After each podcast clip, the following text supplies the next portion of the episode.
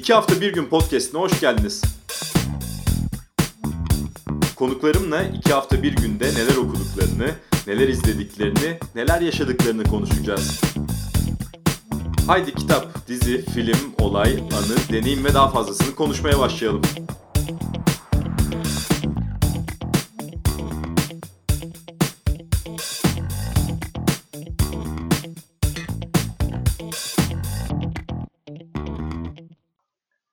İki hafta bir günün yeni bölümünde konuğum arkeolog, yazar, akademisyen, Profesör İsmail Gezgin. Hoş geldiniz. Hoş bulduk. Çok teşekkür ederim. E, ne zamandır bu programı yapmak istiyordum ki zaten şimdi dinleyenlere hemen başladı kültür ve tarih sohbetlerinde Cengiz Özdemir ve Ozan Sağsöz'e de selam olsun. Onlarla da e, konuştuğum çok güzel yayınlar zaten var. Ama e, şimdi sizin yeni kitabınız Homo Narans, İnsan Niçin Anlatır? Mit, evet. Masal ve Hikayenin Arkeolojisi Redingot yayınlarından henüz taze çıktı. Ee, bir kaynak kitaba dönüşebileceğini düşünüyorum. Ee, hikaye anlatmak, hikayelerin anlamı üzerine e, biz Homeros'u konuşacağız. Ama çok kısa bir şekilde herhalde bir genel bakışta atmak ne kadar mümkün olursa o kadar kısa bir bakış belki atabiliriz. Benim çıkardığım birkaç e, cümle var. Onlar belki bize yol gösterebilir. Bir tanesi mitler verdiklerinden daha fazlasını anlatıldıkça ve anlatırken alırlar. Her zaman güncel ve fonksiyonellerdir biri. Diğeri de mitler evet. rastgele kurgulanan, anlatılan öyküler değildir. İnsan oluşun, kültürün DNA'sıdırlar. Ee, buradan yola çıkarak belki de e, Gılgamış gibi, Homeros'un İlyadası veya Odysseus'ı gibi e, öykülerin her zaman güncel ve fonksiyonel olmalarıyla başlayabiliriz. E, hep hayatımızda kalacaklar galiba. E, yani öyle görünüyor çünkü e, bu dili konuştuğumuz sürece yani lisan anlamındaki dili konuştuğumuz sürece ve birlikte yaşadığımız sürece bu kadar büyük kalabalıklarla birlikte yaşadığımız sürece hatta daha da teferruatlanarak kalacak e, gibi e, görünüyorlar. Çünkü e, bir, bir fonksiyon üstlenmemiş olsalar aslında ya da bir işe yaramıyor olsalar e, bu kadar uzun süre yaşamazlardı. Yani bunun çok basit bir örneğini vermek gerekirse mesela herkes hikaye yazıyor, herkes masal yazıyor, herkes mit yazıyor. Bir sürü yazar var. Yani bireysel olarak bu işle uğraşan bir sürü e, insan, akademisyen, yazar var.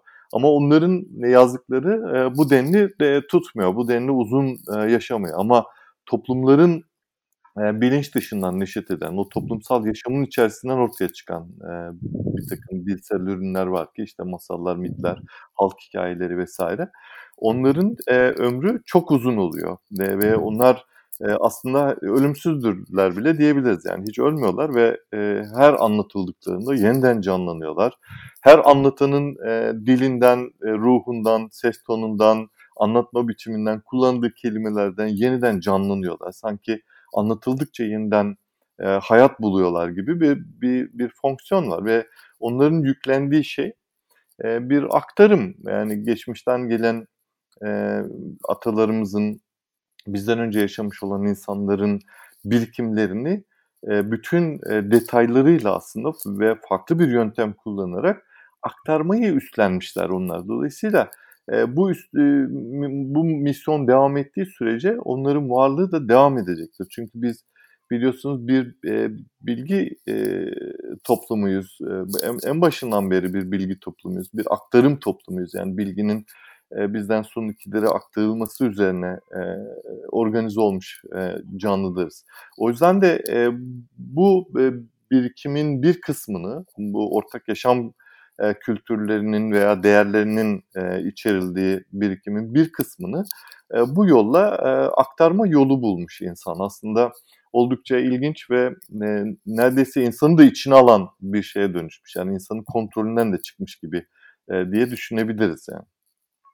E, şimdi kitabı okurken benim en çok moralimi bozan e, sürekli insanın e, ölümünü bilen bir varlık olduğundan bahsetmeniz oldu. Sürekli evet. ve sürekli buna dönüyor. Çünkü siz bunun e, insanı o hayvan oluştan, doğadan kopup başka bir varlığa geçmesinde dille birlikte en önemli anlatı olduğunu düşünüyorsunuz. E, nitekim evet. e, yaklaşık 2700 yıl önce yaşadığı varsayılan diyeyim e, İonyalı yazar e, Ozan e, Homeros'un da hikayelerinde bolca aslında ölüme atıflar var. E, siz de bahsediyorsunuz kitapta. Mesela İlyada'da Truva filminden de biliyoruz o ünlü sahne. Aşil Hektor'u öldürdükten sonra e, cenaze töreninin yapılmaması gibi bir uğraş içine giriyor ve arabanın arkasında sürükleyerek evet. gidiyor ölü bedenini Hektor'un. Daha sonra Hektor'un babası kral e, Truva kralı gelip ondan e, yalvararak neredeyse izin istiyor ve e, cenazesini elde edebiliyor. E, ölüm ve cenaze meselesi e, mitler üzerinden de e, kurulan bir şey değil mi? E, ciddi bir şekilde ve ve planlı bir şekilde kurgulanarak e, oluyor galiba bu. Şimdi e, zaten e, ölüm dediğimiz şeye anlam e, yüklemeye başladığınız andan itibaren yani bütün kültürlerde benzer süreçler geçerli. Yüklemeye başladığınız anla, e, anlamları e, bu e, şeye diyelim Gaia kuyusuna diyelim bu bilinmez diye. O zaten mitolojik bir ögeye dönüşmüş oluyor. O biraz o karanlıktan sıyrılmış ve e, içinde nelerin olduğunu, dünya, e, ölen insanlığını e, nelerin beklediğini e, ifade eden bir metne dönüşmeye başlıyor ve bu dünyadaki hareketler de zaten o metnin e, insana telkinleri e, üzerine bir davranış biçimi oluşmasına sebep oluyor. Cümle biraz düşük oldu ama. E, yani şu, şunu anlatmaya çalışıyorum. E, ölüm dediğim şey öyle karanlık öyle büyük bir şey ki ve bunun farkında olan insan e, açısından belki farkında olan tek canlı açısından e, düşünmek gerekirse ve onun ne olduğu e, insanın öldükten sonra nereye gittiği sorusu onun zihnini kemiren bir soru ve o onu aydınlatmaya çalışıyor. Onu ölümden sonraki yaşamın üzerine hayaller kuruyor. Onun e, nasıl olmasını istiyorsa bir takım anlamlar yüklemeye çalışıyor ve orada bir külliyat oluşuyor. Orada bir aslında e, dilden oluşmuş bir dünya oluşuyor. Ve artık o dünya karanlık bir dünya değil. Orada o dünyada neler var, kimler var, kimler yaşıyor, kimler gidiyor, gidenler ne e, durumda orada yaşamlarını sürdürecekler, hangi pozisyonda olacaklar. Bunların hepsini aslında bu metinler bize oluşturmuş oluyor. Ve biz bu metnin içine doğuyoruz aslında. Bu bilginin içine doğuyoruz. Ve bize hep diyorlar ki ölüm şöyledir, ölüm böyledir, sizi böyle bir şey bekliyor. Dolayısıyla oradaki pozisyonumuzu zaten iyi kurgulayabilmek için bu dünyadaki yaşamımızı da ona uygun organize etmemiz gerekiyor. Deneyimlememiz, yaşamamız gerekiyor. Bu yüzden cenaze törenleri bu dünyadan ölüm dünyasına e, bir yolculuk olduğu düşünülürse, yani nihai ve belki de en önemli safa olduğu düşünürse bu yolculuğun, e, onun o dünyada oluşan, öteki dünyada oluşan kurallara uygun bir şekilde yapılması e, gerekliliği ortaya çıkıyor. Bu, da tabii ki iktidarı ellerinde tutanların diyelim, bu söylemi, bu diskuru elinde tutanların, hatta bu miti oluşturan kültürün diyelim iktidarları e, insan bedeni üzerinde, yaşam üzerinde ve hatta ölüm üzerinde kendi iktidarlarını tesis edebiliyorlar. Yani onları e, işte bu dünyada cezalandırmak yetmiyor olsa gerek ki. Akileus örneğinde e, benzer bir, bir durum var. Çünkü Akileus'un en yakın arkadaşı olan Patroklos'u öldürmüş e, Hektor. Akileus gidiyor Hektor'u öldürüyor. Onu intikam duygusuyla öldürüyor ama e, o e, şey e, duygusu yatışmıyor. Hector'un ölme, ölmesine rağmen yatışmıyor. Ve bunun üzerine onu öbür dünyada da cezalandırmak istiyor. O yüzden zaten onun cenaze töreninin yapılmasına izin vermiyor. Ve ölü bedenini alıyor Hector'un getiriyor kendi çadırına bırakıyor ve onu e, vermeyi reddediyor. Bütün e, bu, bu, bu aslında çok da büyük de bir e, şey kibir yani bir insanın başka bir insanın bu dünyadaki hayatı üzerine kurduğu iktidarın ötesinde bir şey. Yani adeta tanrısal bir şey. Öteki dünyada da onun kötü durumda olmasını istiyor. Çünkü şöyle bir bilgi var. Eğer bu dünyada uygun koşullarda bu yolculuğu yapamazsa, yani cenaze töreni düzenlenmezse, öbür dünyada zaten acı çekecek. Öbür dünyada onu mutluluk veya işte iyi bir hayat beklemiyor olacak. Akileus'un istediği bu. Patroklos'un e, acılarını ancak bu şekilde yatıştırabileceğini e, düşünüyor. Bu nedenle de yani mitleri böyle e, hayatımızda böyle fantastik duygular, düşünceler aktaran ne bileyim işte eğlence olsun diye birbirimize anlattığımız hikayeler gibi görmemek lazım. Onların gücü içerdiği anlamdan geliyor. Yani o kadar güçlü bir bilgi ki şu anlattığım hala aynı aslında. Yani Anadolu'da Mesela şöyle şeyler vardır. Herhangi birisi öldüğünde onun cenaze törenine insanlar katılmak mecburiyetindedir inançları gereği. Ee, ama bir kişi bile katıldığında diğerlerinin sorumluluğunun ortadan kalkacağı. Biz çocukken bize anlatırlardı yani. Mutlaka cenaze töreni yapılır. Veya cenazesi kılınmayacak insan diye bir şey vardır. Ee, An- Anadolu e, şeyi içerisinde. Dolayısıyla bunların hepsi aslında e, bizim e, bu mitlerin ne kadar güçlü olduğunu ve bu dünyayı ve bu dünyadaki yaşamı nasıl e, organize ettiğini, e, organize edilmesinde ne kadar etkili olduğunu göstermesi açısından e, önemli bir veri. Şimdi koronavirüs e, salgının en yoğun olduğu evlere takıldığımız sürede e, birçok insanın kaybı oldu. Biz de onlardan biriydik. E, yakınlarında kaybı olanlar bilirler. Cenaze törenleri yapılamadı normalde alıştığımız şekilde. Ve birçok insan sanki o hayatını kaybeden insana borcunu ödeyememiş gibi çok e, kötü hissetti kendini ve işte bizim yakın akrabalarımız bizi arayıp bütün üzüntülerini aktardılar. Hala süren bir gelenek. Şimdi başka bir konu o da e, Homeros'un metinlerinde mesela Akalı, Odysseus gibi özel nitelikli insanlar var. Bu insanlar iki dünya arasında gidip gelme yeti, yetisine haiz olan insanlar.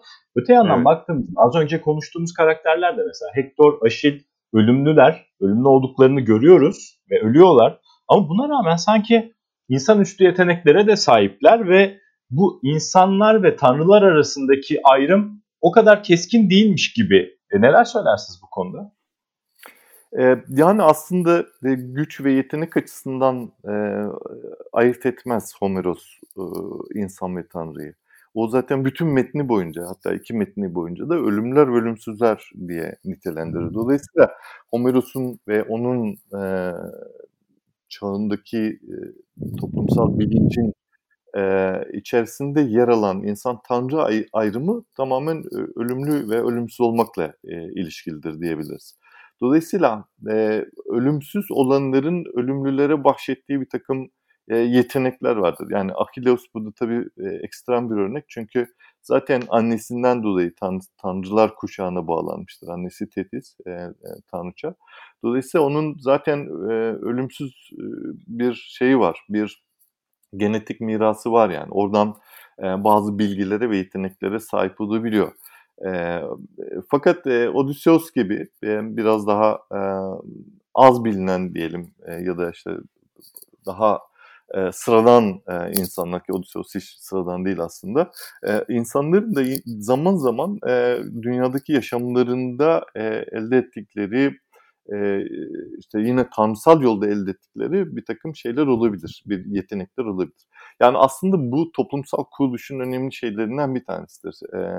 Ne diyelim e, altyapılarından bir tanesidir. Yani toplum tabakalanmış toplum bir kere. Yani uygarlığın başından itibaren aslında e, sınıflı toplum yapısı dediğim son 10 bin yıldır e, bu hayattaki düzeni de aslında oluşturan bir şey. Dolayısıyla bazı insanların bu tanrısal yetiyi elde etmesi, kiminin geleneğinden dolayı ya da genetik mirasından dolayı, e, kiminin kendi e, aklından, zekasından ve dünyadaki yaşama biçiminden dolayı elde etmesi bir statik oluşturuyor ve o özendirici bir statik oluşturuyor aslında. Yani insanların e, hedefi yani e, onların sahip olduğu o yeteneklere sahip olmak e, ve ya da işte ne bileyim Homeros'un metinlerinde olduğu gibi e, insanları onlar gibi olmaya teşvik etmek. Yani işte kahraman olmak, akıllı olmak, efendim işte gözü pek olmak, e, işte ölümden korkmamak vesaire ve ne, ne varsa ne gibi e, değerler varsa burada savaşçılar olduğu için bunları saydım. Ne varsa e, bunlar bir şekilde toplum nezdinde yüceltilen e, değerler oluyor, duygular oluyor, statikolar oluyor. Ve o, o statikolar e, normal insanları etkileyip onların da o toplumsal yapı içerisinde bu rollere soyunması için teşvik edici bir unsur e, oluyor yani herkes e, Akileus olmak ister, herkes e, Patroklos olmak ister ya da herkes e, Odysseus olmak ister. Onun gibi kahraman olmak ister. Yani hiç kimse e, kötülenmiş e, bir e, statik olarak korkak e, efendim işte sinsi ya da ne bileyim sinik bir karakter olmak istemez gibi düşünebilirsiniz. Zaten Aşil'in seçimi siz de kitapta bahsediyorsunuz. Uzun, güzel ve sade bir yaşamla gösterişli ve kısa yaşam. Ama evet. e, adı yüzyıllar, bin yıllar sonra hatırlanacak yaşam arasında seçime zorlanıyor ve işte zor da olsa burada seçimini yapıyor ve yine siz bahsediyorsunuz bundan. Hani payına aşk düşen soylular, e, Pars gibi, Helen aşkı gibi. Evet. Bir de payına ölüm düşen e, yığınlar halinde yoksullar evet. var. E, bu da herhalde bize bir şeyler gösteriyor e, toplumun kuruluşundaki mitlerde. Tabii yani bu tür mitler zaten bu tür mitler ve masallar zaten bizim rollerimizi de e, dağıtıyor daha küçücük yaştan itibaren. Yani senin kim olduğun aslında e, bu, bu mitlerle, masallarla belirlenmiş oluyor. Yani kimin çocuğu olarak doğduğun, hangi sosyal ortamda dünyaya geldiğin, hangi bilgi dünyasında dünyaya geldiğin senin yerini de e, belirleyen bir şey. E, ve e, dolayısıyla e, aslında e, bütün o toplumsal yapı içerisindeki o e, sınıflı yapı içerisindeki bütün statikoların, bütün e, kadroların diyelim ya da öznelerin bir şekilde içselleştirilmesine de e, neden oluyor. Yani hiç şaşırmıyorsun. Yani kitapta yine yazmıştım. Mesela bir kişinin, bir kralın e, sarayda yaşaması, zenginlik içerisinde yaşaması, efendim işte onun e, bütün ülkeyi ağzından çıkacak tek bir sözle yönetmesi mesela şaşılmayacak bir durum haline gelebiliyor en azından. E, ve bütün zaten işte prenseslerin güzel ve sarayda olması gibi işte e, yani köylüden, ırgattan herhangi bir e, şey çıkmaz. E, bir aristokratik ne diyeyim parlatılmış bir karakter imrenilesi bir, e, olunası bir e, karakter pek çıkmaz yani. Onlar bizim şeylerimizi verirler. Bu da Aşil üzerine bir e, not düşmem lazım. Onu e, kitapta da belirtmiştim ama e, önemli bir şey olduğunu düşünüyorum. Aşil e, kısa ve ünlü hayatı seçiyor. E, Troya Savaşı'nda ölmeyi kabul ederek. E, çünkü ölümsüz bir e, isme sahip olmak çok cazip geliyor ona ama sonra Odysseus'un Odisea'nın e, ilerleyen bölümlerinde Homeros'ta Odysseus'un öbür dünyaya inişi var. E, ülkesine giderken yolunu kaybediyor ve e, o, o yolu bilen tek e, kahin e, Teiresias e, ölmüş, öteki dünyaya gitmiş. Odysseus bir şekilde e, onu buluyor ve e, yolu öğreniyor. O sırada e, öteki dünyada ölü, karşılaştığı ölüler arasında Akileus da var. Ve Akileus o kadar büyük bir serzeniş yapıyor ki e, yani şimdiki aklım olsaydı diyor. Yani ölmüş artık iş işten çoktan geçmiş. Kendi hayatını seçmiş ama şimdiki aklım olsaydı diyor. En kötü ırgat olurdum. Tarlalarda karın tokluğuna çalışan prekarya olurdum diyor. Ve asla e, kahraman olmayı seçmezdim diyor. Bu çok adaletsiz bir şeydi. Ama bunu öldükten sonra fark etmiş. Yani burada da böyle küçük küçük aslında e, bu rollerin e, nasıl tesis edildiğini ve neye mal olduğunu e, bize e, anlatan e, şeyler, mit, mit detayları diyelim. Şimdi roller demişken cinsiyet rollerini de konuşmak gerekecek.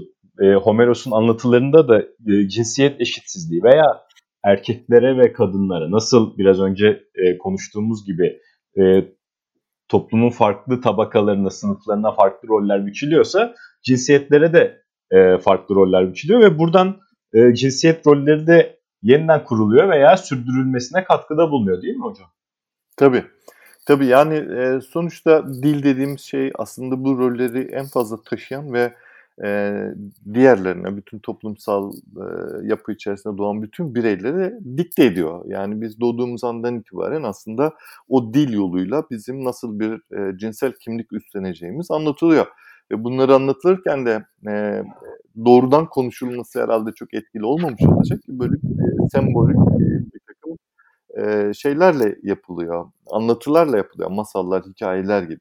Ve orada aslında bir kız çocuğunun nasıl davranması gerektiğini, daha doğrusu insanların iki cinsiyete ayrılması gerektiğini, kadınlar ve erkekler olarak ve kadınlar ve erkeklerin nasıl davranması gerektiğini, nasıl yaşam, yaşaması gerektiğini onlar bize dikte ediyor. Nasıl yaşarlarsa tanrılar nezdinde nasıl cezalandırıldıklarını ya da nasıl ödüllendirildiklerini e, gayet güzel e, empoze ediyor e, diyelim. Yani güzel derken ironi yapıyorum tabii ki. Empoze ediyor. Dolayısıyla biz aslında e, yani kendi e, kararımızla, kendi irademizle bir kimlik e, edinebildiğimizi söylemek çok zor. Yani bize empoze edilen o kimlik içerisinde kendimize en uygun e, konumu seçip oraya konuşlanmaya çalışıyoruz. Yani. E, şimdi tabii biraz daha farklı bir itiraz, yüksek sesli bir itiraz var bu tür cinsel bedenlenmeye veya işte dışarıdan atanmış cinsiyete farklı itirazlar da var ama bu antik çağda tabii çok da düşünülecek ya da itiraz kaldıracak bir durumda değildi. Yani onunla itiraz etmek gerçekten cezası çok ağır olan, büyük bedeller ödemeyi gerektiren bir eylem olurdu herhalde. Bana en ilginç gelen noktalardan biri de aslında işte Homeros deyince İlyada, Odüsseya gibi eserler geliyor aklımıza ve bunu bunlara ilgi duyanlarımız var. Daha az ilgi duyanlarımız var. Bir şekilde bunun belki e, içindeki bazı hikayeler, Truva gibi bir olayın geçtiği olayı bilenlerimiz var veya Çanakkale'den dolayı bunu bilenler var. Ama hayatımıza sınırlı etkisinin olduğunu düşünürüz genelde. Ortalama olarak söyleyeyim. E, ama sizin kitabınızı evet. okuduktan sonra ben şunun farkına vardım. Aslında e, Homeros'un ismini söylediğinizde a bilmiyorum diyecek kişilerin bile hayatında çok büyük bir rolü var Homeros'un öykülerinin ve aslında e, insanlık tarihinin kurucu mitlerinin.